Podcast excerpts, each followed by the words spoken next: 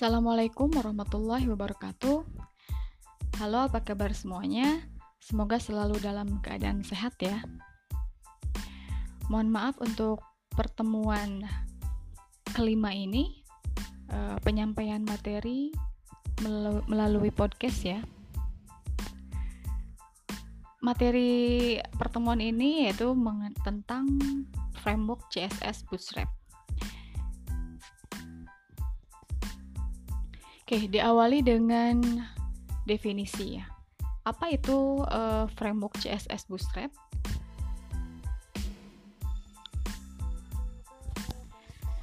Nah, framework CSS Bootstrap adalah kerangka kerja CSS ya yang bersifat open source dan digunakan untuk kebutuhan pembuatan tampilan desain visual dari aplikasi web atau situs website. Kerangka kerja yang digunakan berbentuk template desain berbasis HTML dan CSS untuk kebutuhan pengembangan navigasi, ya, tombol, tipografi, formulir, dan komponen antarmuka yang lainnya.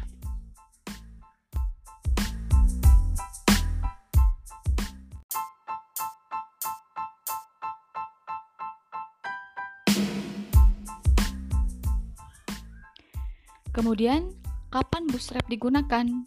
Yang pasti, Bootstrap digunakan untuk mengembangkan website agar lebih responsif. Dengan adanya Bootstrap tersebut, tentu saja membuat halaman website bisa menyesuaikan dengan ukuran monitor device, baik jika diakses lewat ponsel, tablet, ataupun desktop.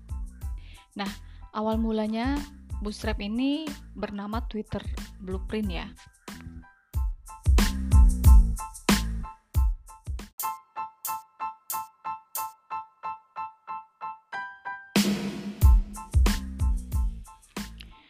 Bootstrap pertama kali dikembangkan oleh Mark Otto dan Jacob Thornton di Twitter. Tujuan awalnya untuk menjaga konsistensi pada tool internal di Twitter. Karena sebelum adanya Bootstrap, uh, tim Twitter ini sudah menggunakan beberapa library untuk membuat tampilan Twitter. Akan tetapi tidak konsisten sehingga kode jadi sulit dirawat atau di maintenance.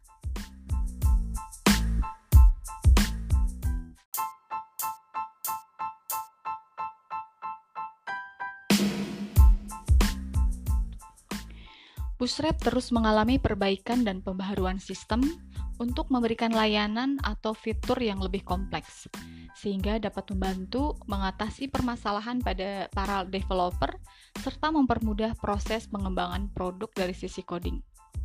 Nah, e, sampai saat ini versi Bootstrap sudah e, berkembang sampai versi kelima.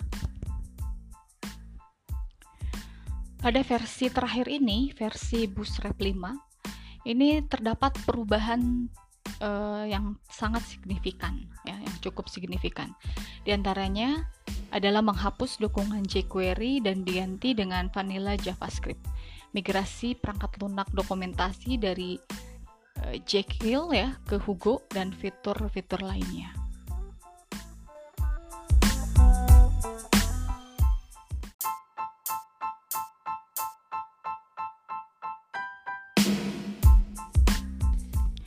Kemudian apa sih kelebihan dari Bootstrap?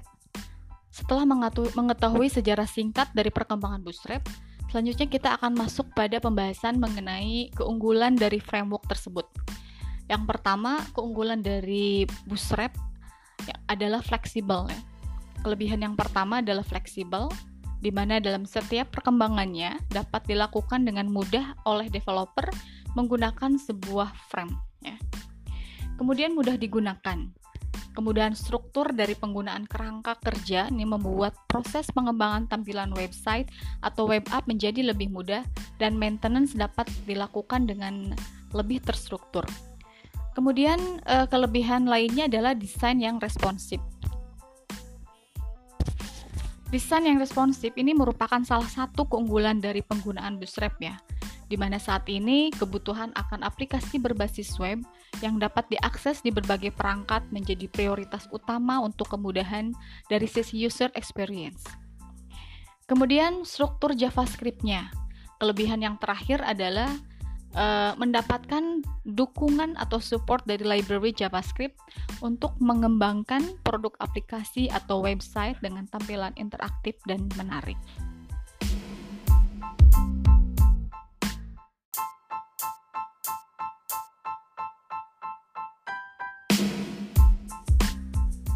Kemudian cara menggunakan Bootstrap bagaimana?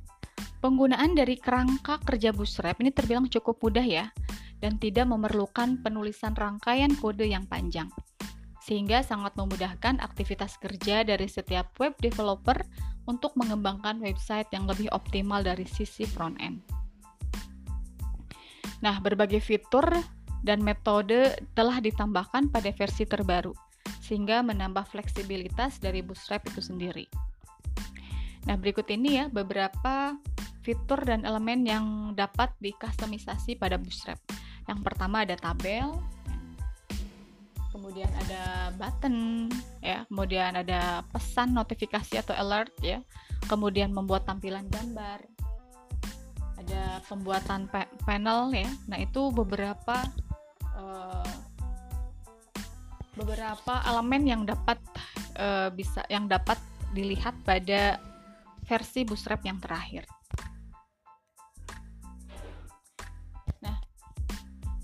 Kesimpulannya apa nih? Kesimpulan dari Bootstrap ini, Bootstrap ini merupakan salah satu framework dari CSS ya untuk mempermudah proses pembuatan aplikasi berbasis web atau website tentunya. Kalian dapat mulai mencoba ya dengan menggunakan versi terbaru.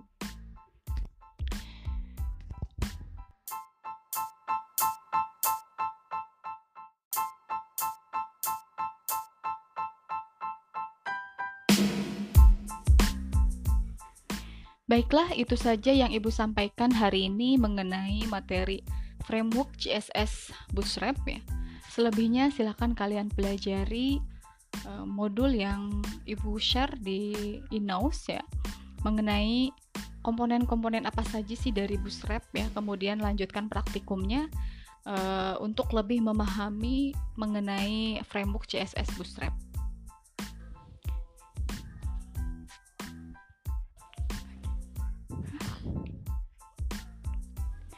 Terima kasih sudah menyimak. Semoga bermanfaat. Ibu akhiri dengan nah, Alhamdulillahirrahmanirrahim. Wassalamualaikum warahmatullahi wabarakatuh.